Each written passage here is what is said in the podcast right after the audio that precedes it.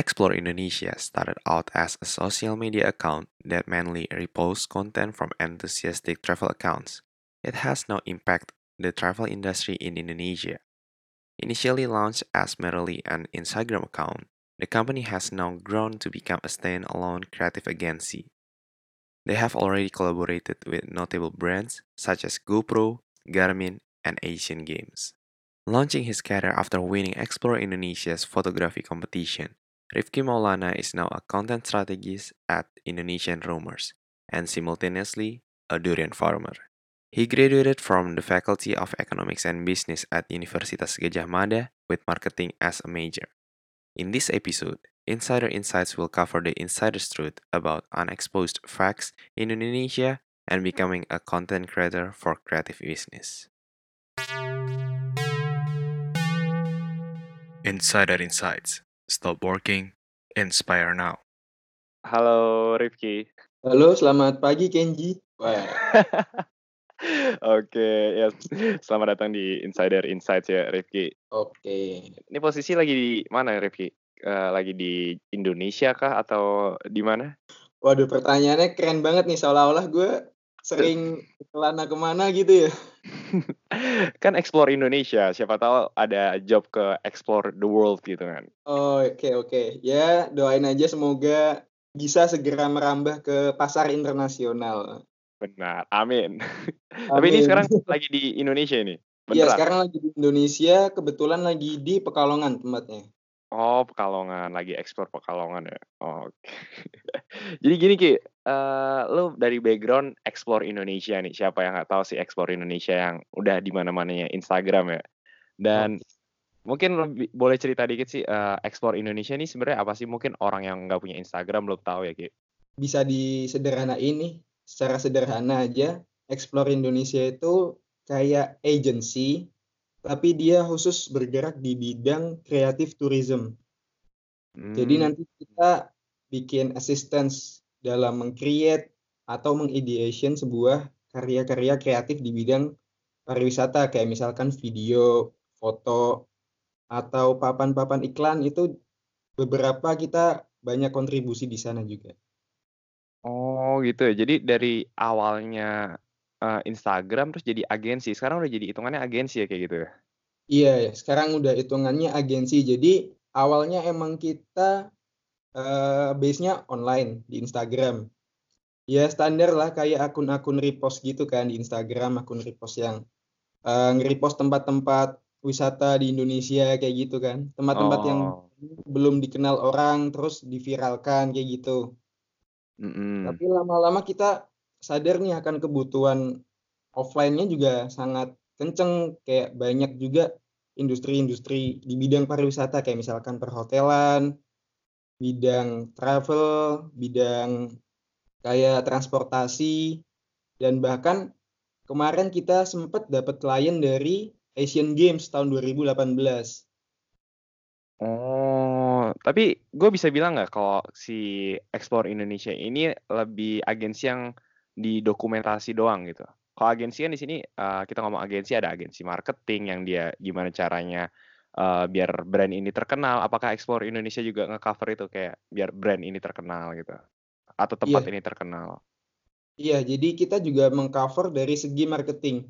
Jadi uh, enggak semua yang kita kerjakan itu uh, video base atau foto base. Jadi ada beberapa proyek juga yang uh, dari kliennya itu minta kontribusi kita, tapi dari segi uh, ideationnya, ya, dari segi kreatifnya kayak gimana nih? Ini tempat mau dipasarkan secara global dengan strategi seperti apa. Jadi uh, kadang memang dari kliennya sendiri minta untuk uh, mereka bukan materi video atau foto yang di uh, konsultasikan ke kita, tapi justru dari isi kontennya itu. Hmm, gitu. Dan kliennya beragam ya. Tadi sampai terakhir ada Asian Games juga pernah ya? Iya, uh, sejauh ini yang paling besar sih Asian Games. Ya kalau yang mainstreamnya yang lain ya banyak dari perhotelan, terus ada dari GoPro, oh. Garmin. Kalau kalau kalian tahu ada Garmin Iya iya ya, Garmin itu Ya. Gue pernah lihat sih kayak G- GPS nggak sih? Ya GPS. Ah ya ya ya ya. Ha, ha, ha. Ya dan sering juga dari pemerintah kabupaten atau provinsi yang minta konten-konten promosi pariwisata mereka gitu. Oh tapi kalau untuk pemilu nggak pernah ya? Wah untuk pemilu kita nggak pernah soalnya kita nyoblosnya 03. Oh, oh gitu. Oke, siap, siap, siap. Terus lu sendiri di ekspor Indonesia ini dari kapan, Ki? Gua sendiri udah setahun lebih dua bulan. Jadi gua masuk itu September 2018. Dan lu masuk itu sebagai gimana? Atau lu intern dulu atau lu posisinya sekarang apa sih? Nah jadi gua itu sebagai konten strategis. Awalnya itu kalau biasa kan kita join company itu kan ya kita ngirim CV atau Hmm. kita intern atau kita ikut di acara mereka gitu ya. Iya, benar-benar bisa jadi itu. Kalau gua karena emang dari awalnya gua background kuliahnya itu di UGM di FEB UGM karena itu orang-orang explore Indonesia sendiri kan biasanya kebanyakan di Jawa Timur. Hmm, Surabaya. Iya, jadi kan anggotanya itu emang ada 20-an lebih, sekitar 25. Sekitar 25, nah 10 anggotanya itu ada di Surabaya. Sisanya itu tersebar di Indonesia dari mulai Aceh, Padang, Riau, Kalimantan, Sulawesi, dan sampai paling ujung timur ada di Wamena itu ada. Oh, Wamena. Wamena tuh Papua. Wamena itu Papua. Iya. Oh, oke oke. Terus terus terus. Jadi dulu itu kan biasalah gue sebagai anak kuliah kan yang baru lulus kuliah gitu kan. Hmm. lihat Instagram gitu kok menarik ada dia bikin akun repost tapi dia juga sering bikin event-event offline gitu Si ekspor Indonesia ini. Indonesia ini jadi dia selain bikin agensi selain sebagai agensi yang bikin konten untuk klien dia Hmm. juga bikin event online untuk klien kayak misalkan dia bikin event talk show atau dia bikin event workshop dari tiket.com yang nanti akan difasilitasi oleh orang-orang explore Indonesia itu. Dia bikin offline event gitu untuk mensupport talent-talent kreatif yang ada di Jawa Timur kebanyakan. Ah, terus lu merantau ke Jawa Timur gitu, ikut eventnya terus daftar. Enggak, gue dulu awalnya ikut lomba kan, karena kan gue sadar kalau gue bukan siapa-siapa, gue ikut ke sana kan juga akan susah gitu kan untuk masuk ke sana. Kebetulan mereka juga nggak buka internship atau buka lowongan gitu nggak. Ikut lomba foto di Instagram, gue menang tuh. Gue menang, akhirnya gue diajakin liburan sama mereka ke Banyuwangi kan. Dibayarin tuh. Dibayarin semua, di cover full 4 hari 3 malam buat bikin konten sama waktu itu Santika Banyuwangi, Hotel Santika Banyuwangi. Dan kebetulan pas di sana tuh gue ketemu sama orang-orangnya, kayak cocok gitu sama orang-orangnya kan. Ya kayak dia tuh orangnya yang super santai, yang dia nggak nggak sepaneng kayak gitu kan. Jadi kalau bikin konten tuh asik lah pokoknya. Oh, kayak fotografer-fotografer, videografer yang chill abis gitu ya. Yang chill abis kopi senja, kopi senja boba gitu kan. Oh. Oke, kopi senja boba. Oke, oke. Lanjut. Ya udah terus gue ketemu mereka, habis jobnya selesai yang di Banyuwangi itu kan gue diajakin ke Surabaya kan. Ya udah akhirnya gue terima aja ajakan mereka ke Surabaya. Dan habis di sana gue diajakin ke headquarternya, ke head Hmm, office mereka kan. hmm. Diajakin ke sana, gue dilihatin nih proses kreatif mereka tuh ternyata, oh ternyata mereka tuh nggak cuma eksis di Instagram gitu ya. Mereka tuh banyak karya-karya online yang mereka publikasikan kayak gitu. Tunggu, tunggu. Lu barusan mention eksis di Instagram. Apakah waktu lu mau masuk ekspor Indonesia ini harus menjadi eksis di Instagram gitu? Oh enggak, enggak. Kalau mau jadi explore Indonesia bukan berarti lo harus eksis di Instagram. Tapi kembali lagi, eh, lo harus punya sebuah konten yang itu bisa cocok dengan ciri khas mereka gitu. Ciri khas mereka tuh gimana tuh maksudnya? Maksudnya bisa, eh, warna fotografinya mereka, warna fotonya mereka, atau apa maksud lo ciri khas tuh? jadi lo bisa bikin kayak konten fotografi, fotografi atau videografi yang misalkan nih ada standar videonya itu kayak gimana kayak gitu loh. Kayak misalkan kalau yang kita kenal kan videografer yang terkenal tuh kayak Sam Calder gitu. Hmm. Ya berarti benchmarknya kayak Sam Calder kayak gitulah kayak gitu kan Oh, jadi aja kayak gitu oh masalah taste gitu berarti ya? salah taste aja gitu karena kan kalau untuk explore Indonesia kayak gitu kan mereka nyari orang yang udah jadi kan bukan teach dari awal gitu Oke, bukan kayak uh, episode yang sebelumnya itu di Mondelez mereka ada manajemen trainee gitu seakan-akan kayak gitu, Oh. tapi Explore Indonesia nggak ada gitu ya? Gak ada karena mereka kan eh, begitu mereka masuk ke sana mereka juga langsung diterjunkan untuk ikut dalam berbagai proyek gitu kan Hmm, jadi susah juga berarti ya masuk ekspor Indonesia ini harus udah jadi ya, harus udah ada passionnya dulu ya berarti ya? iya dan itu kan kalau tes itu cocok-cocokan ya Bener. Hmm, bener dan kadang kan ada orang dengan skill foto yang bagus tapi mungkin mereka itu lebih eh, jagonya itu di foto-foto wedding atau foto-foto portrait kayak gitu kan kami itu lebih ke outdoor fotografi jadi foto-foto yang alam gitu Oh, iya sih namanya Explore Indonesia ya. Iya, Kalau jadi ke wedding, Explore Wedding nanti ya. Iya, explore wedding nanti kondangan makan siang kenyang. Bener tuh. Tapi gini Ki, kan lo bilang eh, jalan itu banyak jalan-jalannya, banyak travelingnya. Apakah Iya, tapi lu travelingnya. setiap hari atau mungkin setiap minggu tuh bakal traveling terus gara-gara lo ikut explore Indonesia ini? Sebenarnya bisa kita sendiri yang menentukan. Hmm, jadi gimana tuh sistemnya? Kayak sistemnya itu ini itu project based gitu. Jadi kamu akan dapat pemasukan yang banyak kalau kamu ambil project yang banyak gitu. Oh Jadi- gitu, ya ya. Jadi kamu bisa ngatur seberapa sibuknya diri kamu di diri lo di dalam satu bulan kayak gitu loh. Misalkan satu bulan lo mau ambil project berapa ya sebulan itu juga lo bakalan seberapa sibuk kayak gitu.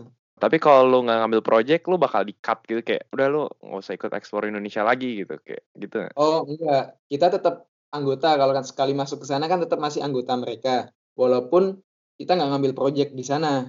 Kebanyakan Explore Indonesia ini kan nggak nggak satu-satunya job yang dimiliki oleh teman gua. Jadi banyak teman gua tuh yang eh, dia juga eh, side job jadi influencer. Oh iya iya iya karena Jadi- inline gitu ya. Dia Iya, explore jadi- Indonesia, traveling sambil personal branding dirinya sendiri gitu ya. personal branding. Ada juga yang dia sebagai wedding photographer juga ada. Tapi lu bilang kan eh, banyak orang explore Indonesia ini eh, jadi anggota explore Indonesia side job gitu kan ya. Karena mereka mainnya project ya Ki ya. Iya, project base. project base. Dan kalau boleh tahu kayak kok kita kalau misalnya gue nggak mau ngambil ekspor Indonesia ini menjadi side job, gue mau full anggota ekspor Indonesia setiap minggu traveling ngambil project. Itu bisa nggak sih gue ngehidupin diri gue dari pemasukan itu? Bisa, bisa banget. Oh bisa banget. Oh berarti gede banget nih setiap project. Iya, eh ya semakin banyak proyeknya, semakin gede proyeknya, semakin capek juga. Secara, secara fisik karena kan eh, semakin banyak proyek dan karena kita tuh lebih ke outdoor, explore, jadi akan lebih banyak kita explore sebuah tempat gitu kan. Mm-mm. Jadi ya akan lebih capek aja gitu. Karena kan kita mostly kan keluar ruangan kerjanya. Oh iya, tapi gue penasaran sih Ki. kayak lo traveling dibayarin ke tempat-tempat bagus dibayarin dapat benefit juga lo jadi pers- bisa personal branding punya foto-foto bagus. Tapi di sisi lain lo juga dapat pemasukan dari project-project itu. Itu setiap project pastinya beda eh, bayarannya beda gitu ya Ki. Bayarannya beda-beda, tergantung klien, tergantung seberapa scale-nya projectnya. Oh, semakin jauh semakin ke Papua gitu semak- bakal semakin gede nggak? Iya, jelas. Semakin jauh, semakin gede. Dan terkadang walaupun nggak jauh-jauh amat juga duitnya bisa gede kalau misalkan kliennya dari contohnya Asian Games, terus dari GoPro kayak gitu yang company-company besar kayak gitu kan mereka jelas punya budget yang lebih gede ya buat kita gitu kan. Terus menariknya lagi kalau gue baca dari uh, profile lo nih Ki. Nih lo mau ngambil Indo lo tipe orang yang mengambil ekspor Indonesia kayaknya sebagai side job ya. Dan lo di salah satu profile online profile lo mengatakan di sini lo seorang full time durian farmer nih Ki. Ini beneran durian durian ini, buah kan ya? Iya, durian buah. Durian yang enak banget itu loh. Oh, yang enak banget ya, yang baunya juga beberapa orang nggak suka, tapi menurut gue juga enak banget sih. Aneh sih orang yang nggak suka tuh. Tapi ini lu punya kebun gitu berarti Ki? Karena Iya. atau gimana? Jadi kadang temen gue kan juga bertanya-tanya gitu ya, sebagai. Apalagi kan background kita kan dari ekonomi ya, fakultas ekonomi kan. Iya. Lo kerjanya apa sih kok lu sering traveling ke luar Jawa, ke banyak tempat gitu. Hmm. Terus ya kok lu kayak nggak pernah ngantor gitu. Terus kok kadang gue sering lihat lu malah update snapgram di kebun gitu. Lu sebenarnya kerjanya ngapain sih gitu kan? Hmm. Nah gue ini jadi petani duren. Mmm, petani duren. Oke oke. Kayak sebuah apa ya? Sebuah hal yang sangat tidak terfikirkan sebelumnya gitu ya. Tapi ini nggak ada sangkut paut sama ekspor Indonesia kan, durian-durian ini? Nggak ada. Jadi eh, durian ini emang gua kelola di rumah di Pekalongan. Tapi bukan di dalam rumah kan? Sebenarnya kalau ada durian yang di dalam rumah juga boleh sih. Pohon gitu. Susah dong tidurnya ya? Wah susah, pakai helm harusnya.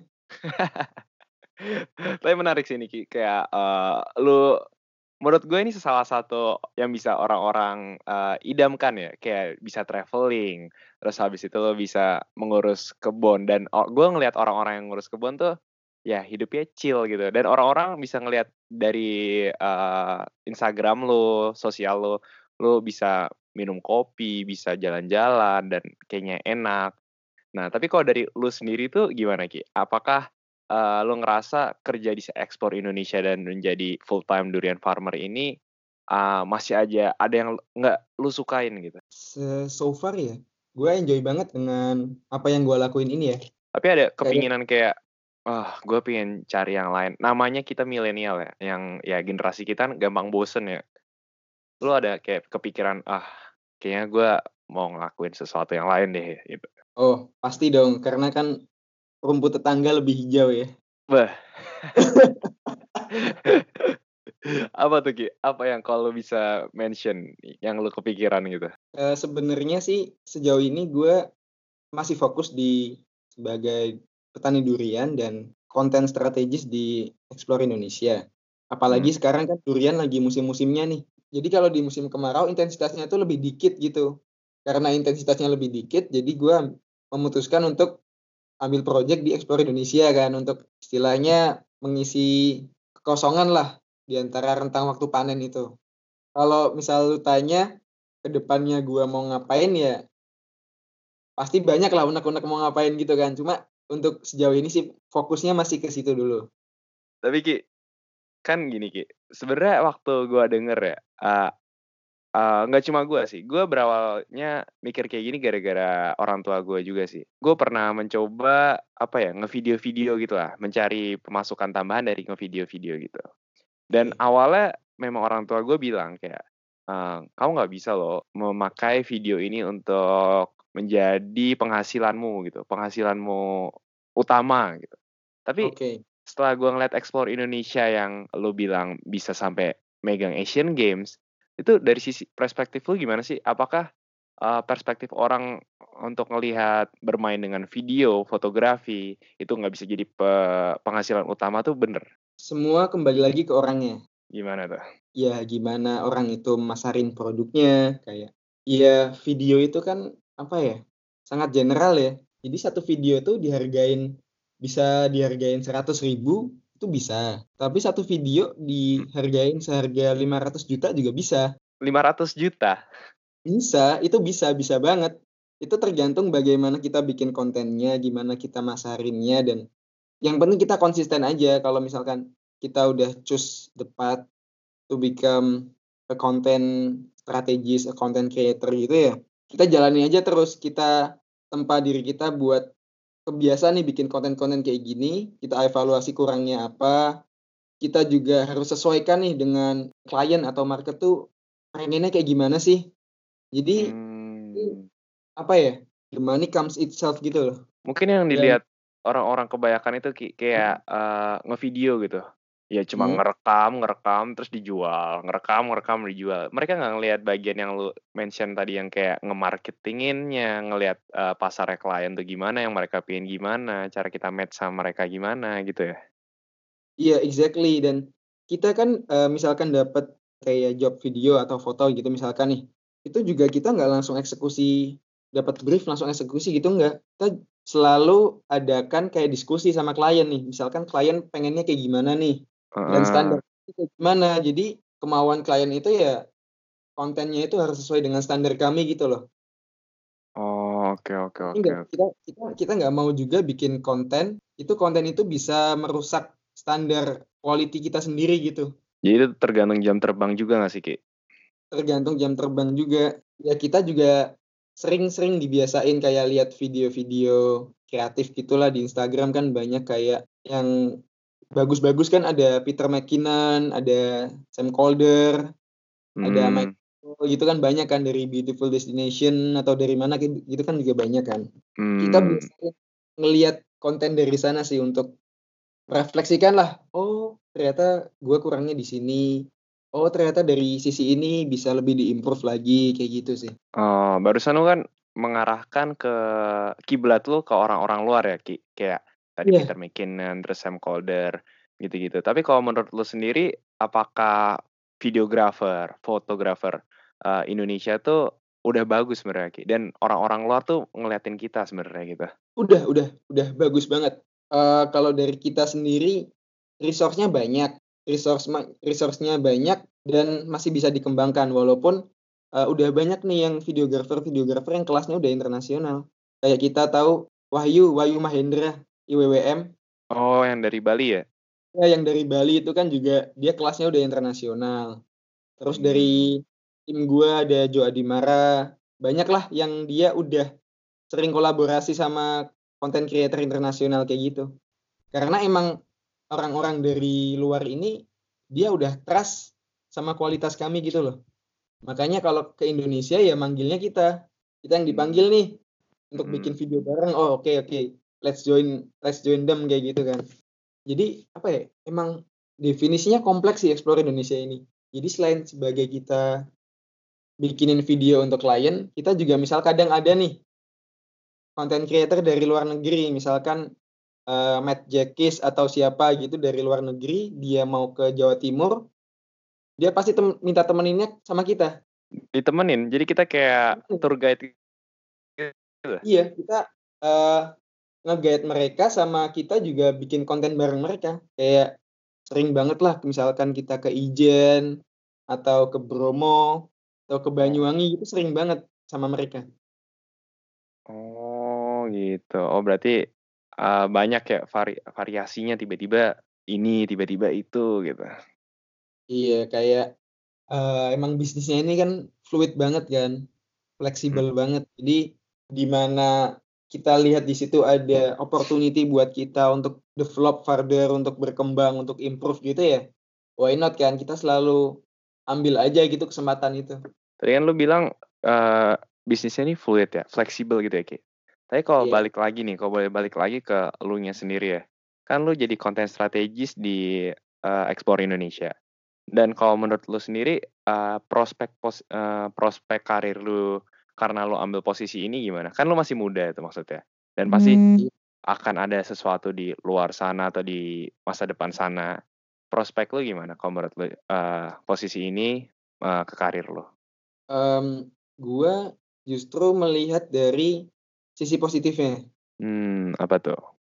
Eee, untuk prospek karir gua karena kan, eee, sebagai gua menganggap sebagai lulusan jurusan manajemen ya, Mhm. Sebagai lulusan marketing kita kan harus menjadi seseorang yang generalis, bukan spesialis dalam satu bidang. Kita tuh harus bisa beradaptasi dengan apa aja yang ada di hadapan kita gitu loh. Misalkan gua jadi content creator di Explore Indonesia. Gua bikin foto, gua bikin video ke misalkan ke Bali lah gampangannya gitu kan. Ke Bali, gua ketemu dengan klien atau de atau dengan sesama content creator. Nah, kita kan kolaborasi gitu kan, misalkan. Nah, dengan kita ketemu dengan orang-orang dari background yang berbeda, dengan kita tuh, eee, diharuskan untuk menjadi seorang kaum yang generalis. Mmm. kita harus selalu beradaptasi dengan pembicaraan ap, uh, apa pun pembicaraan yang mereka bawa gitu kan. Dan berkarir di Explore Indonesia ini, gue banyak banget dapat ilmu yang itu nggak cuma dari segi kreatif, kreatif studio, tapi banyak kayak misalkan dari segi perkopian. Jadi gue ngerti nih kopi dari hulu sampai hilir tuh gimana karena gue jalan sama orang yang punya usaha kopi. Ah, sharing gitu ya? Sharing kayak gitu dan jadi gue misalkan nih, gue jadi ngerti energi-energi terbarukan tuh kayak gimana, solar panel tuh kayak gimana, terus Kok bisa energi gitu? energi angin kayak gitu gimana karena saat gue traveling ke tempat-tempat di luar sana itu gue sering banget ketemu dengan klien yang mereka juga bergerak di bidang itu kan. Nah, karena kita Hmm. konten, kita create sesuatu dari sesuatu itu misalkan dari energi yang terbarukan itu, misalkan dari kita bikin sesuatu dari solar panel. Nah, Mhm. kita kan mau nggak mau kan harus belajar kan operation mereka kayak gimana karena kan kita mendokumentasikan cara kerja mereka kayak gimana. Oh iya benar sih ya. Jadi ngeplan semua. Detailnya itu kayak gimana. Jadi kita bisa belajar sesuatu hal yang bahkan pas kuliah pun gue nggak kepikiran gitu. Oh ternyata pas gue ke sini gue diajarin banget ternyata how the solar energy works tuh kayak gimana gitu ya. Ternyata gue juga baru tahu kalau solar panel kalau misalkan dayanya sisa itu bisa dijual ke PLN. Itu gue juga baru tahu. Oh, bisa gitu ya? Tapi Iya kenapa gitu. di Jogja, Jakarta masih jarang ya kelihatan, Ki? Karena kenapa kayak gitu? Karena di Jogja, di Jakarta, di kota-kota besar di Jawa mereka itu supply energinya itu selalu terpenuhi dengan PLN. Wah, parah. Gue yakin info kayak gini lu nggak bakal dapat kalau lu nggak explore-explore, nggak ikut explore Indonesia ini ya, Ki? Info kayak gini nggak bakalan kita dapat kalau kita nggak langsung turun ke lapangan gitu kan, nggak langsung berinteraksi dengan orangnya langsung. Gila sih, ini insightful banget sih sama kayak nama podcastnya kali ya, Insider Insights ya. Oh, insider insight justru insightnya datang dari sesuatu yang tak terduga ya. Iya, dari harus dari insider. Berarti bener nih nama podcast. Tapi makasih baik banget ya Ki udah nyempetin waktu dia eh, di selang menani menani mentani durian-durian Hmm. untuk Oh ngobrol iya. di Insider Insights. Oke, siap-siap. Oke, next time kita bisa ketemu lagi ngobrol lagi lebih lanjut tentang ini. Oke, jangan lupa nonton NBA nih.